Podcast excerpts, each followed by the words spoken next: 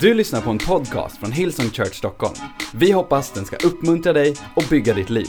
För att få mer information om Hillsong och allt som händer i kyrkan, gå in på www.hillsong.se. Amen, amen, amen. Tack så jättemycket.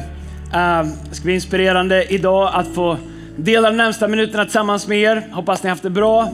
Solen kom fram lite grann i helgen igen, det är vi glada för. Uh, får oss att försöka sluta tänka på vad som kommer, nämligen hösten. Men här är grejen, hösten i Hillsong är alltid bra. Hösten i Hillsong är alltid den bästa tiden på hela året. Så, så jag är faktiskt till och med taggad för hösten. Inte vädret, men vi får lysa desto mer här inne. Tack ska ni ha teamet. Eh, nu har ni fått den tid ni får. Nu är det dags för ordet. All right? well, jag är taggad också över... Eh, vet du, jag har aldrig sagt ordet taggad innan vi fick en kyrka i Göteborg. Det är något här från Göteborg som smittar med att vara taggad. Det är Daniel Vidén. Han är otroligt taggad hela tiden. Men jag är, jag är väldigt glad och faktiskt taggad över eh, Summer Camp, som vi nu kallar Pop-Up Camp, som börjar imorgon. Vi har första delen vecka 26. Grejen är jag vet att ni hör oss prata om alla stora grejer som vi drömmer om och allting som, eh, som ska komma tusentals ungdomar till. Men nu har vi levt med corona ett tag och lite grann har normaliserats att vi kan inte göra så mycket grejer som vi brukar göra. Tro mig, jag saknar er allihopa som brukar komma till vår kyrka och som vill komma till vår kyrka första gången efter att ha följt oss nu en period på nätet. Ingenting som jag ser fram emot mer än det. Men när vi gick in i den här sommaren med vetskapen om att vi kommer inte kunna göra Summercamp som vi alltid har gjort. Summercamp är för mig en highlight på året. Jag tror att vi hade någonstans mellan 500-600 volontärer förra året som tog semester åkte till en stor lägergård som vi hyr nere på gränsen mellan Småland och Västergötland. Jag vet inte, Mullsjö, hör det till Småland eller Västergötland? Eh, jag är uppfödd i Tidaholm så det känns som Småland. Eh, men eh, när vi insåg att vi inte kommer kunna göra det i år så var det otroligt tråkigt. Men jag är så tacksam över ungdomspastorer i vår kyrka, över ungdomsteam, över hela vårt staff, över våra volontärer i kyrkan, över hela vår ledning, över hela vår kyrka, över varje givare som bestämde sig för att vi inte ska lämna walkover. Vi kan inte bara lämna ungdomar den här sommaren bara för att vi inte kan samlas tusentals som vi brukar. Så vi, vi, vi har gjort pop-up camps istället. Och lyssna nu vad jag säger. Och låt inte det här bara gå förbi som någon slags stor promotion. I år kommer vi ha samlat mer ungdomar på det som vi kallar pop-up camps. små grupper. Erik sa att bara under veckan som kommer kommer vi ha 53 olika möten under veckan, eh, bara den här veckan och vi har redan haft vecka 26. Vi kommer i år samla mer ungdomar än vad vi har gjort tidigare på Summer Camp. Så vi har inte lämnat walkover, vi har inte gjort något litet, det här får väl duga. Vi har tagit någonting som var omöjligt och vi har gjort det bättre. Och jag vill att ni som kyrka ska höra vad jag säger. Det här är vad vi tror. En utmaning eh, i vår kyrka är bra därför att vi är en kyrka som ser utmaningar, kanske till och med omöjligheter och vänder det till möjligheter och nya opportunities. Och tack alla i vår kyrka och alla ni som inte är ungdomar. Jag vill att ni ber den här veckan. Ett möte med Gud för en ungdom i ung ålder kan bespara dem en livstid av utmaningar. Jag kommer be varenda dag, varenda morgon, varenda lunch, varenda kväll att våra ungdomar, vilka de än är, de som alltid kommer eller kommer för första gången, de som känner Gud eller inte känner Gud, att de skulle få möta Gud. Det är det som spelar roll. Jag har snart tagit 25 procent av min predikan till att prata om det. Men det är så viktigt. Vi går in i en stor vecka. Det finns fortfarande utrymme för volontärer. Om du vill vara med någon dag, ett par dagar, så behöver vi dig. Okej? Okay? Vi har ett nytt tema idag som heter Kyrkan har lämnat byggnaden, men Gud har inte lämnat kyrkan. Jag kommer tala över det här de närmsta tre söndag förmiddagarna. Så häng med på en resa. Jag är otroligt taggad över vad vi ska göra. All right? Well, um, i, uh, jag funderar om sist, om ni undrar vad jag gör så låser jag upp min iPad. Jag har ungdomar hemma så man måste ha dem, ha dem låst. Lyssna, vi kanske inte kan samlas som vi brukar göra. Vi kanske inte kan vara eh, i lokaler som vi brukar vara. Men det betyder inte att vi inte kan göra någonting. Det betyder inte att kyrkan bara är, är stängd eller att eh, Gud inte har en plan. Faktum är att jag börjar tro att Gud har en speciell plan just för en tid som denna. Med att jag, har, jag har faktiskt läst mer än någonsin om den tidiga kyrkan. Jag har läst mer än någonsin om kyrkohistoria, om vad Gud har gjort. Vet du att kyrkan har alltid vuxit som mest när den har haft som mest motstånd. Nej, jag säger inte att vi har motstånd från staten eller att motstånd från samhället, men just nu har vi motstånd från ett virus som vi behöver vinna över och kommer vinna över i Jesu namn. Men där det är så enkelt för oss att bara slå oss till ro, luta oss tillbaks och tänka att vi får vänta ut det, så har Gud aldrig gjort så. Inte i kyrkan och inte i ditt liv. Och jag vill att du ska veta en sak direkt när jag börjar tala här. Det är att när jag säger kyrkan så tänker jag inte på en byggnad, även om jag älskar våra byggnader. Så tacksam för de vi äger här i norra, våra norra campus, i Göteborg som vi fortsätter investera i. Vi byter ventilation där i sommar till exempel, redo för nästa sommars värme i Jesu namn. Vi, eh, vi drömmer om byggnader i alla våra campusar framöver. Jag älskar våra byggnader, men jag har inte gett mitt liv för byggnader. Jag har gett mitt liv till att tjäna Gud och till att betjäna människor. Så för mig så är kyrkan människor. Det är du som är kyrkan. Du och jag tillsammans med Jesus. Och faktum är att ju mer jag börjar fundera på det här med corona, ju mer inser jag att vi har ett uppdrag. Och vi som kyrka får inte missa vårt uppdrag i den här tiden. Vi kan inte slå på standby. Vi kan inte leva våra liv som att vi ska vänta ut till att någon har kommit på ett vaccin eller Timell säger att det blir som vanligt igen. Nej, vi måste fånga varje ögonblick, fånga varje dag, fånga varje vecka och veta att Gud har en plan för oss. Vi måste leva våra liv på det här sättet när vi vaknar varje morgon just nu och säger Gud, det är speciella tider just nu. Vi kanske inte kan samlas, vi kanske är utspridda. Men medan vi är den här gerillakyrkan som inte kan samlas i stora byggnader men finns utspridda överallt. Gud, vad är uppdraget? Om var och en av oss vaknar varje morgon och säger Gud, vad är mitt uppdrag idag? Gud, idag är jag din kyrka. Överallt där jag är kommer din kyrka vara. Vad är mitt uppdrag? Det bästa sättet för oss att fundera på det är att titta vad Jesus gjorde.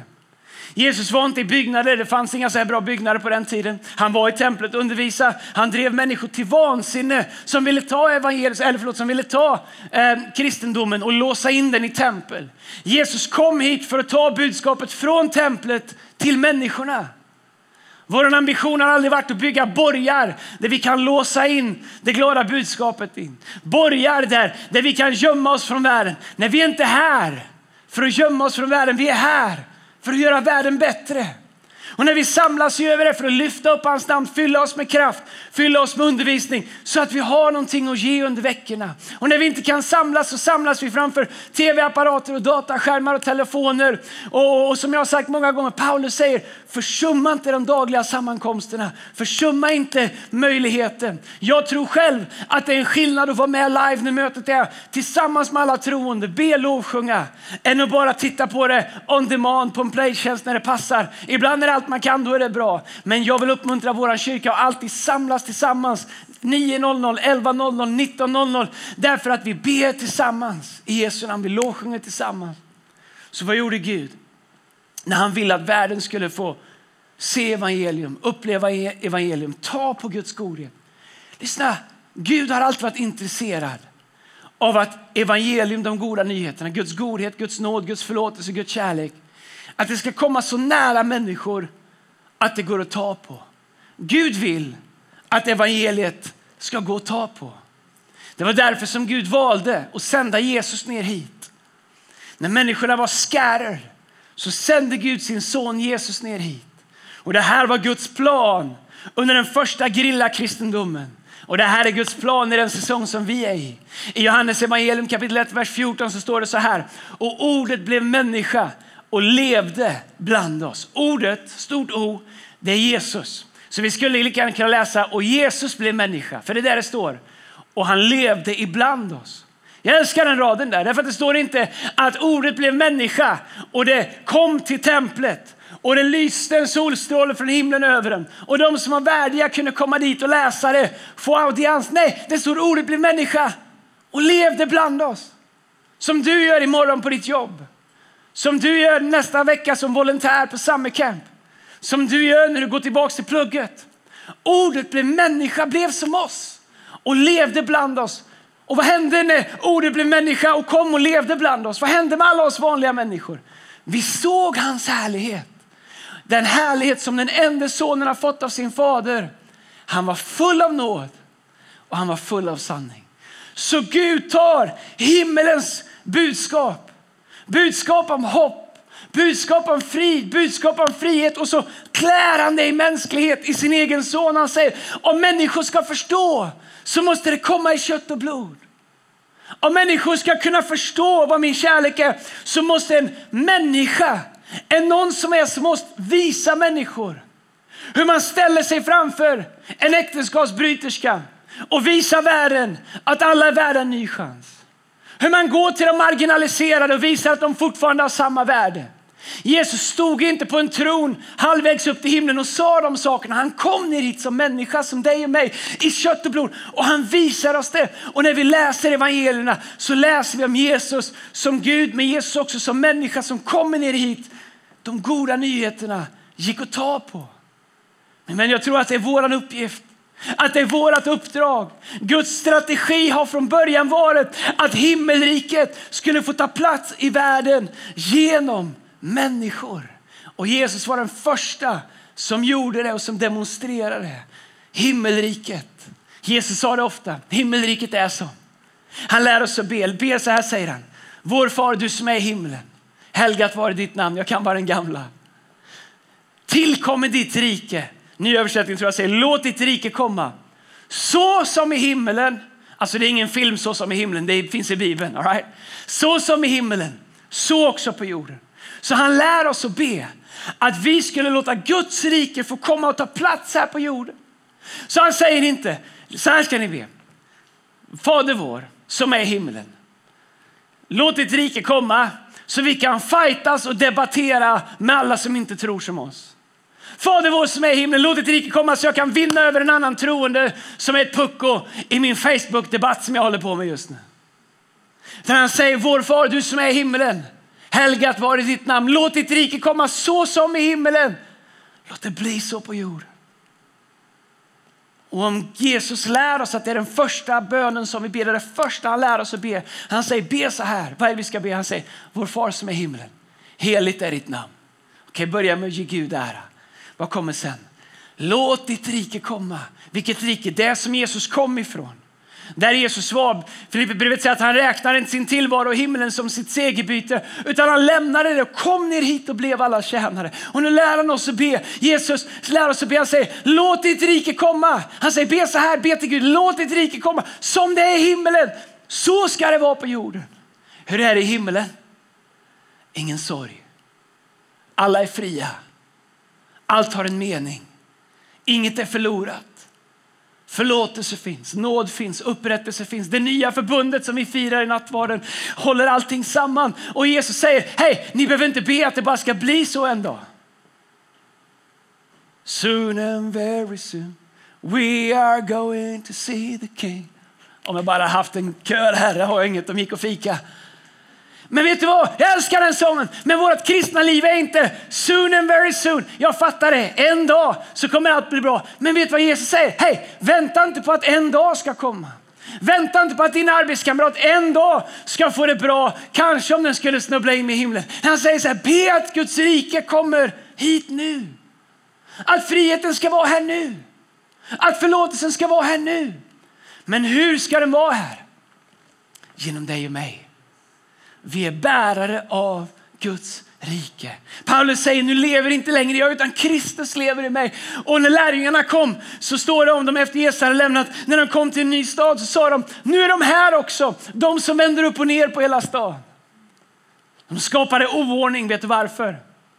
Därför att samhället hade skapat en struktur av människor som fick bli outcast, människor som var dömda. Man kontrollerade människor genom skam och skuld och tvång. Lärjungarna kommer och säger, vet du vad? Det finns ett annat rike om du sitter fast i ett kastsystem som en outcast som spetälsk. Jesus älskar dig, du är välkommen in i värmen. Om du har begått fel så andra människor har dömt dig. Jesus älskar dig, du är också välkommen in. Så han, de, de slog sönder all struktur av utanförskap och förkastelse och skam och skuld och sa, det finns ett nytt rike, Guds rike och alla är välkomna. så sa de, nu är de här också lärjungarna. De som har vänt upp och ner på hela stan och på varje stad som de har varit i. Du och jag, kyrkan, vi kanske har lämnat byggnaden. Men Gud har inte lämnat kyrkan. Gud har inte ändrat vårt uppdrag. Gud har inte ändrat sin plan. Utan kanske är det så att i en tid som denna så är det mer viktigt än någonsin att vi förstår att vi trivs som bäst med lite utmaning, med lite saker och ting som vi måste övervinna. För evangelium har aldrig bott i katedraler, evangelium har aldrig bott i perfekta människor eller i välsvarvade och välpolerade fasader. Evangelium har alltid bott hos de utslagna, hos de som behöver en ny chans, hos de som letar efter hopp. De har alltid bott hos människor och varit burna av människor som du och jag. Inte färdiga, inte fullkomliga, fortfarande i fullt beroende av Guds nåd. Men förvandlade på insidan så är vi bärare. Och Gud vill att du ska bli hans budbärare. Du är Guds gåva till din omgivning. På samma sätt som Jesus var Guds gåva till världen när han kom. Ska man tänka, kunde inte Gud sända Jesus igen? Vet du, Gud har sänt Jesus igen. Det är bara att den här gången så är det du. Du är inte Jesus. Men allt vad Jesus är bor i dig. Allt vad som vilar i Jesus vilar i dig om du tror på honom. Du är Guds gåva till din familj, till din arbetsplats, till din skola. Om du och jag väljer att ta den möjligheten och signa upp för det uppdrag som Gud har för oss som kyrka så är inte det här en förlorad tid. Då är det här kanske den mest värdefulla tid i hela vår kyrka där vi verkligen får förstå och fungera i det som Gud har kallat oss till. Så hur ska vi göra det? Och jag tror att vi måste inse att budskapet bor i oss. Våra liv, hur vi behandlar människor är det som sätter guldkant på budskapet eller det som devalverar det. Det är inte vår perfektion, det är inte vår förträfflighet. Det är vår ärlighet och vår genuinitet. Att vi låter Jesus synas genom våra liv. jag har pratat om det någon gång tidigare, det var länge sedan. Jag vet inte om du har tittat i en Ikea-katalog, jag vet inte om det finns kataloger längre. Eh, eller om det bara är online. Men jag vet förr när man fick Ikea-katalogen hemskickad, man kollade på alla de här fina designade rummen och man såg någon möbel och man tänkte en sån där ska jag ha. Det där ser fantastiskt ut. Man såg den i en designad miljö. Det var filtar som någon har lagt, liksom. inte vikt, utan de har liksom lagt timmar på att slänga filten så det ska se ut som den bara hamnat där. När man vet att en inredningsdesigner har lagt en dag på att stå och kasta filten tills den faller rätt och så är allting perfekt och så helt plötsligt så ser vi den här furniture piecen, den här möbeln och så tänker vi den där skulle ju se fantastisk ut i mitt hem, jag vill ha den. Så går man till Ikea och letar efter den, allt man hittar är fack 13 om du pratar engelska, I'm sorry, det betyder uh, det betyder, uh, det betyder uh, shelf. All right. Så allt man hittar är ett platt, grått eller platt brunt paket som är så långt ifrån det vi såg på bilden någonsin. Och är man som Erik Liljeroth och får hem den med alla delarna så finns det inte en chans att man någonsin får ihop den till så som det såg ut på bilden. Och, och det där som man såg framför sig blir kvar antingen i ett paket eller utspritt över golvet tills Bea kommer hem från jobbet och sätter ihop den. Ingen som får ett Ikea-paket blir glad och tänker vad kul. Jätteroligt. Fattar säkert delar också. Men vet du, om jag ska uppmuntra min fru någon gång så så räcker det för mig egentligen att köpa, köpa en sån här en kartong. Vi har en god vän, många av er känner hon heter Josefin Kamming. Hon är, hon, hon är design, mycket designer och guldsmed. Och en av de bästa i Sverige. Och, och, och uh, hon gör fantastiskt fina saker. En del av de sakerna som jag har, jag tycker om har hon gjort. Hon är jätteduktig och otrolig blessing och med det hon gör. Hon har gjort ett jättefint smycke för Compassion bland annat. Och om jag har köpt någonting till Lina om hon fyller år eller vi har något anniversary eller någonting och, och hon ser den här asken så börjar det redan lysa ögonen på henne innan hon ens vet vad som är i.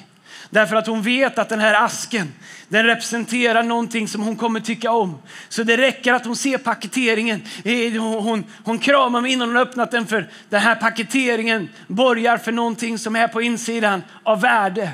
Inte som ett Ikea-paket. Om du nu, Ingvar Kamprad eller någon i familjen tittar på det här så be om ursäkt, jag har inte emot Ikea men ni kan jobba på paketeringen lite grann kanske. Men en sån här paket skapar en förväntan efter att få öppna och se vad som finns i. Min vän, när det gäller vår kristna tro. Jag vill inte att mitt liv ska vara som ett platt, brunt, tråkigt paket som aldrig går att få ihop. Det människor säger, det där som du har på insidan, it doesn't make sense. Det går aldrig att få ihop. Jag vill att mitt liv ska vara paketerat som en fin ask Där bara det man ser med, att det skulle skapa en förväntan för det som finns på insidan. Inte av min egen godhet men av Gud och Guds godhet. Du och jag vi kan vakna varje morgon och välja att paketera våra kristna liv. Inte en perfekt paketering. Men i någonting som skapar en hunger efter det som finns på insidan. Min vän, lyssna. Du är Guds paket till din omgivning. Du bär förlåtelse, frid, evigt liv.